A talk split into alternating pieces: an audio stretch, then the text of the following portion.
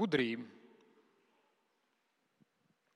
Un šī pirmā antifona, kas tika izmantota baznīcas liturģijā jau krietni, krietni sen, skan šādi: Nāc, visu augstā gudrība, kas izkārto visu ar spēku un maigumu. Nāc, māci mūs staigāt godprātības ceļu.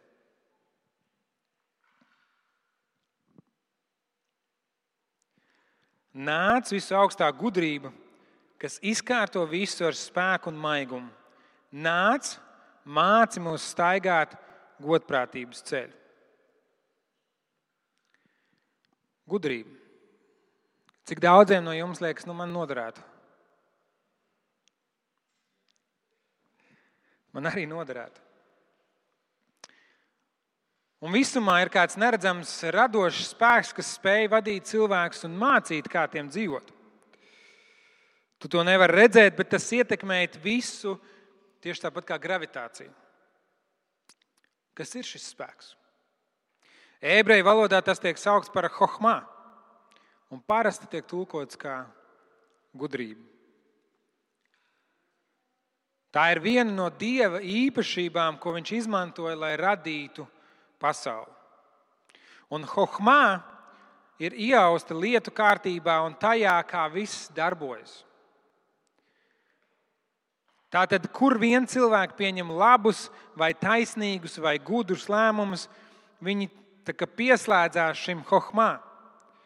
Un kad vien kāds pieņem sliktu lēmumu, viņš darbojas pretēji šim hohmā. Kā rakstīts Salmana, Salmana pamācīja pirmajā nodaļā, muļķu pārgalvība tos iznīcinās, bet tas, kurš ieklausās gudrībā, dzīvos drošībā. Gudrība. Tas ir kā visuma morāles likums. Tas ir rīcības un seku modelis, un neviens nevar no tā izvairīties. Un Sālmana pamācība grāmata personificē to kā sievieti, visas gudrības māti. Un viņi skraida pa pasauli, saucot, un ir pieejami ikvienam, kas ir gatavs viņā ieklausīties un mācīties. Tas noved pie otrās lietas, ko māca Sālmana pamācības. Katram ir pieejama, satverama un lietojama šī gudrība, lai tev un citiem būtu skaista dzīve. Tu vari to lietot, lai radītu skaistumu. Un patiesībā šis vārds hohmā ebreju valodā nav tikai intelektuāls zināšanas. Šis vārds tiek lietots arī, lai raksturotu talantīgu amatnieku. Piemēram, galdnieku vai akmeņkali. Tu parādi, ka tev piemīt hohmā, kad pielieto šīs zināšanas un attīsti to, lai veidotu labu dzīvi. Un Sālmana pamācības uzsver vēl vienu svarīgu lietu.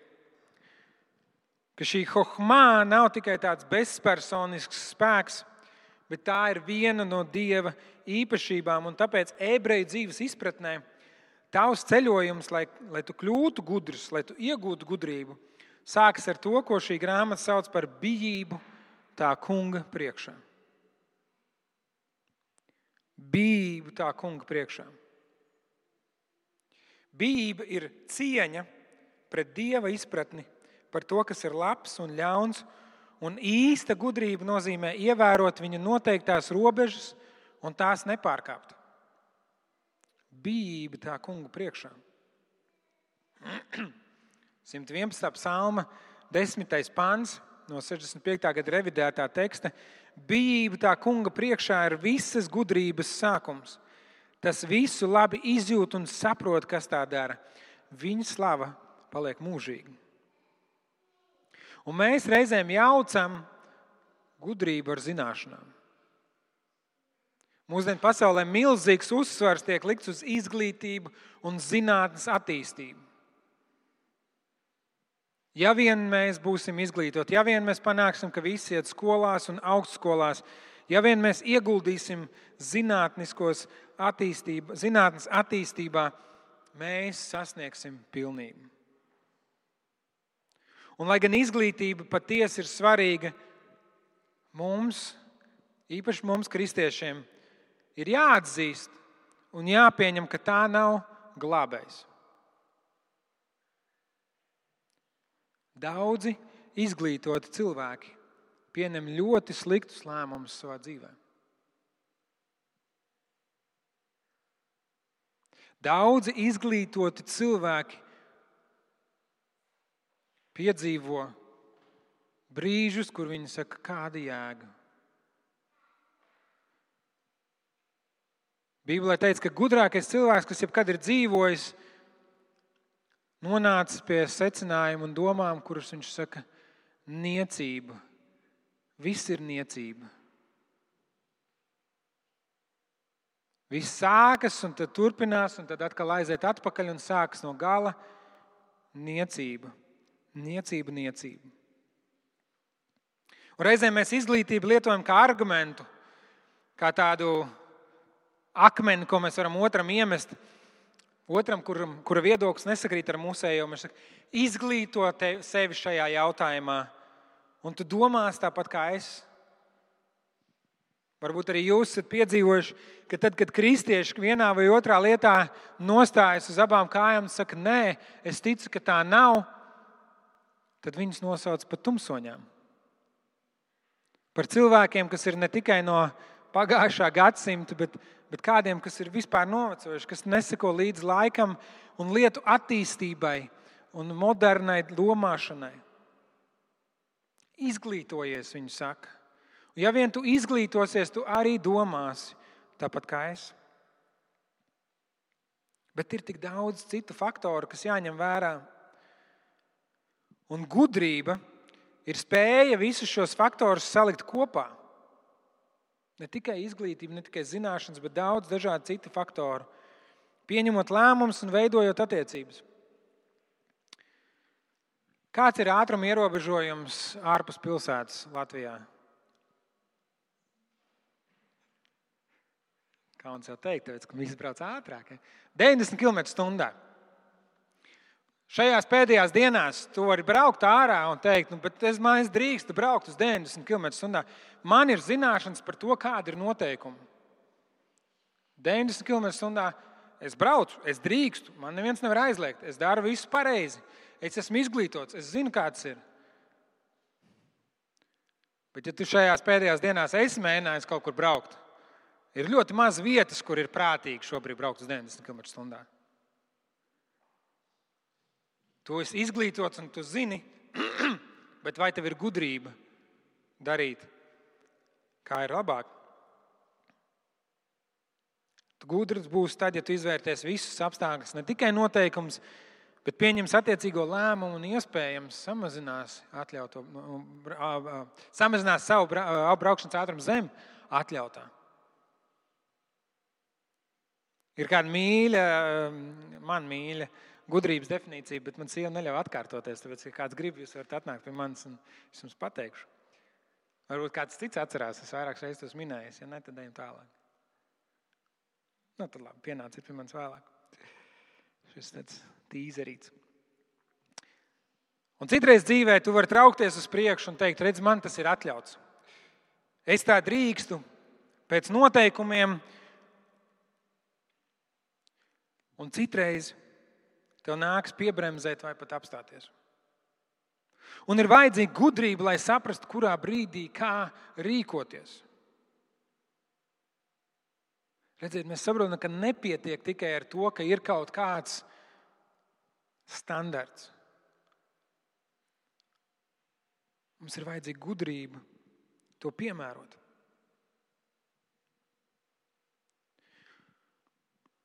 Mūsu ticībā ir vajadzīga šī gudrība. Mūsu ticībā ir vajadzīga šī gudrība. Un reizēm redziet, mums liekas, tā, ka, nu, ja es izlasīšu visu Bībeli, un ja es zināšu, kā tur viss ir rakstīts, un ja es pa plauktiņiem visu salikšu, tad es dzīvošu, man būs laba dzīve. Un tas ir tāpat kā tad, ja mēs paņemam, kad iepakojam maisu, papīru, piemēram. Un mēs viņu paceļam un apakšu izplīst vaļā. Un tas ir tukšs. Izskatās jau, ka mums ir maisiņš, un izskatās, ka mēs kaut ko nesam, bet, bet tur nav. Un līdzīgi tāpat mūsu dzīvē ir ar, ar to, ka, ja mums ir zināšanas tikai šeit, tās var būt pat zināšanas par rakstiem, par Bībeli, par baznīcas vēsturi, par dažādām citām lietām, bet viņas ir tikai šeit, tad mēs esam kā tāds tukšs kulis. Mums ir vajadzīgs svētais gars, kas mūs vada gudrībā. Mums nedara vienkārši paņemt kristietības principus un piemērot tos savā dzīvē un teikt, nu būs labi. Bet mums vajadzīgs Kristus pats.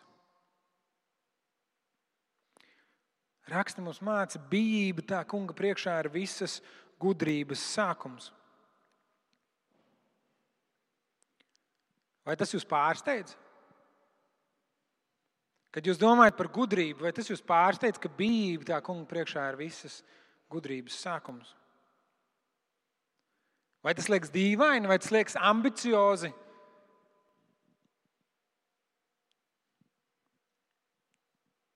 Vai tu redzi savu ticību kā gudrības avotu savai dzīvei?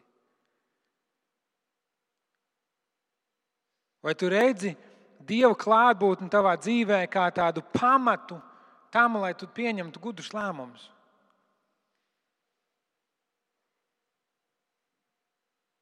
Vai tas ir avots, pie kura tu tveries pirmām kārtām, tad, kad tev ir jāpieņem kāda lēmuma?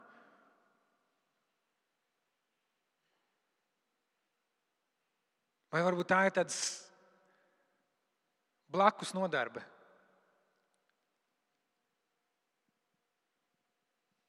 Tad, tad, tad, tad pievienotā vērtība, tāds piedēklis tavai dzīvei. Saka, īstā gudrība jau ziniet, nu, šeit jau baznīcā mēs visu kaut ko varam runāt, bet, bet tā īstā gudrība, tā, tā saucamais street credit, ja, tas uz ielas gudrība, sadzīves gudrība, tur vajadzīgs kas vairāk. Patiesībā man liekas ļoti loģiski, ka bijība tā kunga priekšā ir visas gudrības sākums. Jo kurš gan vēl labāk zina par to, kā šī pasaule strādā, kā tas, kurš viņu ir radījis? Un reizē mēs dzīvojam ar to ideju, nu, labi, labi. Kā, nu, ka Dievs ir tāds vectētiņš. Viņš ir gudrs, viņš vienkārši ir novecojis. Labi, viņš to pasauli radīja. Viņš to, viņš to kā, nu, jā, viņš ir gudrs, viņš ielika visus tos pamatlikumus un noteikumus un viss tāds. Bet, bet būsim reāli, pasaule ir mainījusies. Tagad ir citādāk. Reizēm mēs pret Dievu attiecamies tā, nu jā, nu, ja ir kāds filozofisks jautājums vispārējais, tad mēs varētu viņam pajautāt. Bet, ja tas ir jautājums par attiecībām, ja tas ir jautājums par, par kādām citām ikdienas izvēlēm, nu, es labāk iegūlēšu. Ja. Es labāk paskatīšos sociālos tīklos, kāds influenceris, kurš par šo tēmu ir runājis. Es izglītošos YouTube. Es nejautāšu Dievam, jo zinu, nu, viņš ir novecojis. Es zinu, ka mēs tā rīkojamies.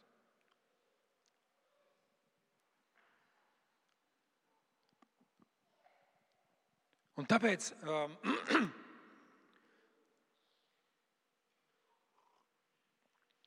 un tāpēc raksti gudrību personificē. Tāpēc raksts saka, bijība tā kunga priekšā ir visas gudrības sākums. Tu gribi būt gudrs, tu meklē Dievu. Tu pazemojies viņa priekšā un tu atzīsti, tu esi radītājs un es esmu radība.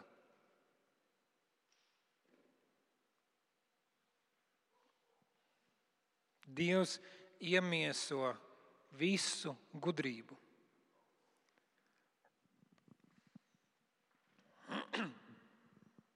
Vēstulē romiešiem 11. nodaļā no 33. panta. Pāvils raksta, kāds Dieva bagātības un gudrības un atziņas dziļums. Cik neizprotams ir viņa tiesas un neizdibināmi ir viņa ceļi, kas gan ir izzinājis kunga prātu. Kas viņam ir bijis padomdevējs? Kas viņam jebko ir devis? Ka viņam būtu jāatlīdzina, jo no viņa un caur viņu un uz viņu ir viss. Viņam ir gods mūžīgi. Āmen. Nāc visu augstā gudrība. Baznīca tēvi apzinājās, ka tas ir tas, kas viņiem ir nepieciešams. Uh, iesaistīts grāmatā, pravietis iesaistīts, saka, ka Dievs, citē, saka, ka tie ir Dieva vārdi, jo manas domas nav jūsu domas un jūsu gaitas nav manas gaitas, saka kungs. Cik augstākas debesis pār zemi, tik augstākas ir manas gaitas pār jūsu gaitām un manas domas pār jūsu domām.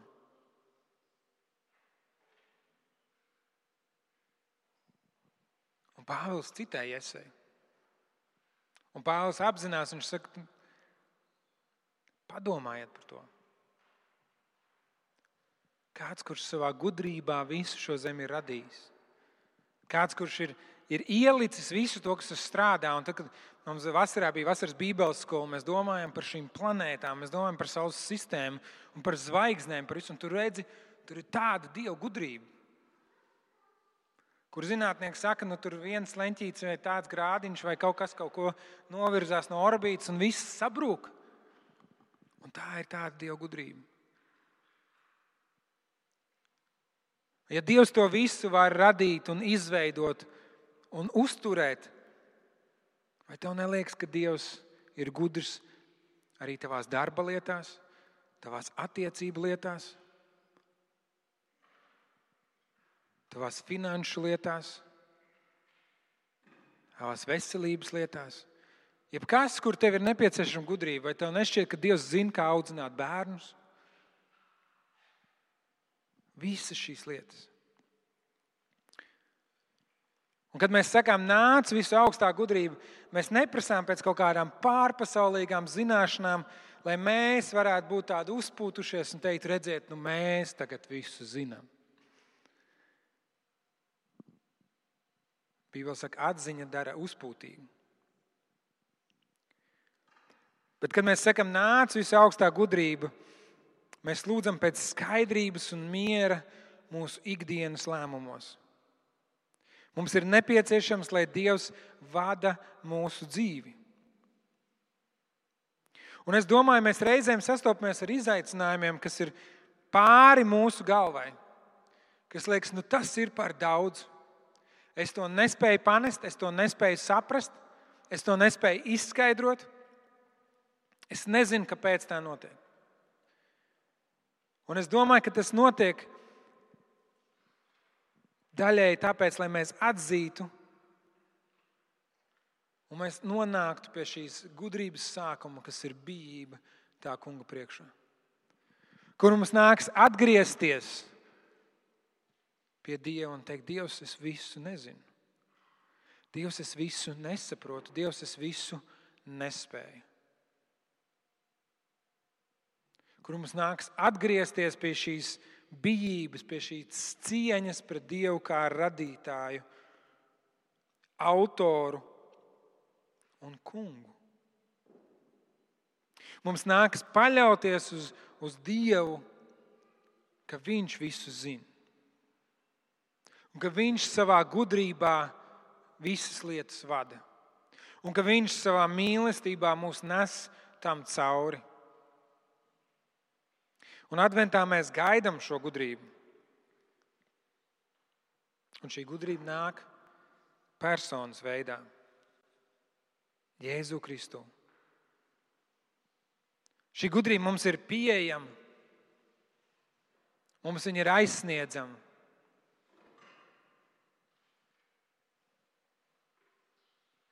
Un tā sākas ar bijību Dieva priekšā ar atzīšanu, ka Viņš ir Dievs, un ar gatavību paklausīt Viņam. Dzīvot Viņa noliktajos rāmjos, dzīvot pēc Viņa nodomu. Meklēt Viņa gudrības savai ikdienai, teikt, Dievs, ko Tu vēlies, lai es daru? Iedomājieties, kad ārsts, jūs aiziet pie ārsta, jums ir kāda kaita, un ārsts saka, nu, zini, būtu prātīgi, ja tu nēstu gaļu, piemēram, uz kādu laiku.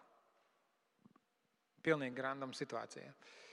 Es saprotu, ka kādiem to grūti iedomāties, un Tomas būtu šeit, viņš droši vien mestu man ar kaut ko, bet, bet, bet ārsts saka, nē, gaļu kādu laiku.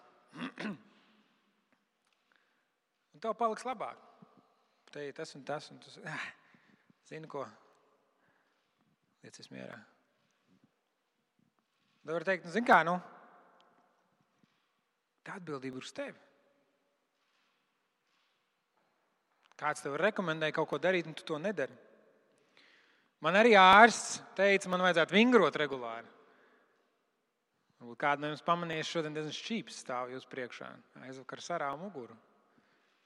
Un es varu teikt, nu, Dievs, kāpēc, kāpēc ar mani tā notiek? Vai tad man nepietiek raižu un rūpu šajā laikā? Brīsībā jau tā ir mana vaina. Jo es jau neklausīju. Es neklausīju gudrību, es darīju, kā es gribu. Un, un ar Dievu ir līdzīgi mums šajā dzīvē. Dievs ir daudz ko atklājis par sevi, un Viņš turpina atklāt savā vārdā un ar savu garu. Mēs jau viņam nejautājam. Un reizēm, ja mēs jautājam, mēs dzirdam un mēs nepaklausām.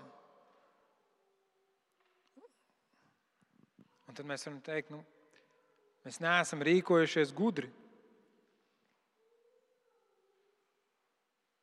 Dzīvot Dieva noliktajos rāmjos. Ja es saku, jūs esat mani draugi, ja jūs turat manas pavēles, ja jūs mani mīlat, pildat manus baušļus.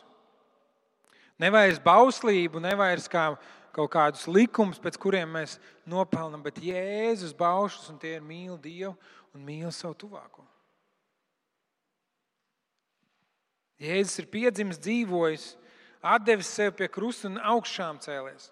Viņš mums ir atklājis tēvu un darījis viņu pieejamu. Un tāpēc vēstulē korintiešiem ir šie vārdi: Vēstījums par krustu ir muļķība tiem, kas iet pazušanā.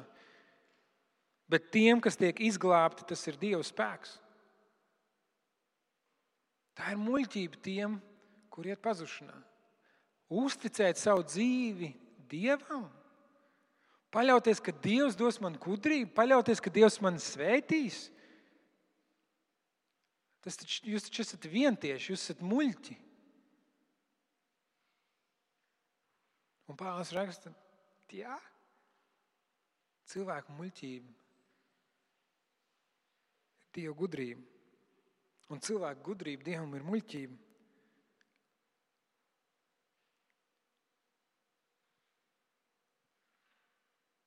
Un tad viņš saka, ka nu, jūdi prasa zīmes un grieķi meklē gudrību. Mēs tā vietā sludinam krustā sisto Kristu. Padomājiet, patiesībā, cik muļķīga ir šī vēsts. Ka tu vari būt uzvarētājs caur to, ka Jēzus bija zaudētājs. Jēzus izcieta kaunpilnu nāvi pie krusta, un tā ir tava uzvara.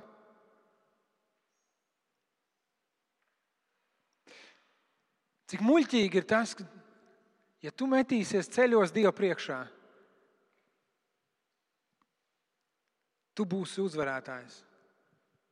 Mums cilvēkiem grūti to pieņemt, jo mums tā liekas vājuma pazīme.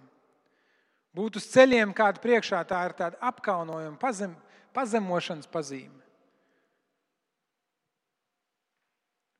Līdz brīdim, kad mēs iepazīstam Dievu.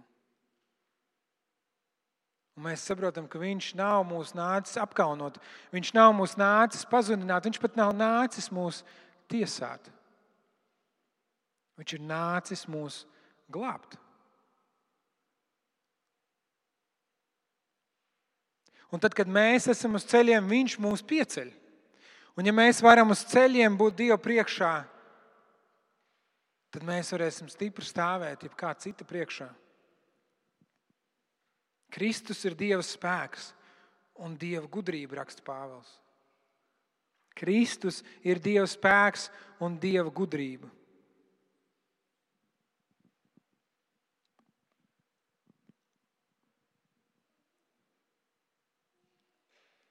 Nākamā reize, kad jūs redzat šo ainu ar bērniņu silītē, kas ataino Jēzu, iedomājieties, ka tur ir visa dieva gudrība. Un visa tev nepieciešamā gudrība. Bērns, kurš ielikts silītē. Un tik daudzi to palaida garām. Tik daudziem tas likās kaut kas neiedomājami, nesavienojams ar to, kas ir Dievs. Bet tad ir gudrie, kas nāca ceļ, tālu ceļu no austrumiem. Gudrie, kas nāca un metās ceļos šī bērna priekšā. Gudrie, kas atstāja dārgas dāvanas. Gudrie saprata, ka bērns, kas tur guļ, nav parasts bērns. Arī šodien daudz palaiž garām šo gudrību. Viņi gaida svētkus, koncertus, un notikumus, un noskaņu un dāvanas. Viņi ilgojas pēc Ziemassvētku brīnuma, bet tā arī paliekošas pārmaiņas nepiedzīvo. Bijība tā kunga priekšā ir visas gudrības sākums. Gudrie to atrod. Nepalaidīsim to garām arī mēs. Zemosimies un pielūgsim. Un tāpēc es gribu jūs aicināt kopā ar mani, ja tas ir iespējams, nomesties ceļos. Un ka mēs visi kopā varam lasīt šo antifonu. Es aicinu, mēs varam nomesties ceļos.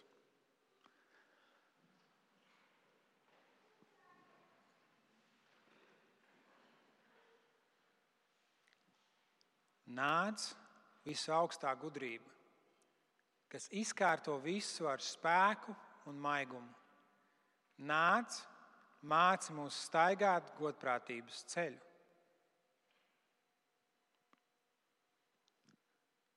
Un ticībā uz Dievu mēs varam paļauties, ka Viņš mūs nepievils, jo Viņš saka, es nāku drīz.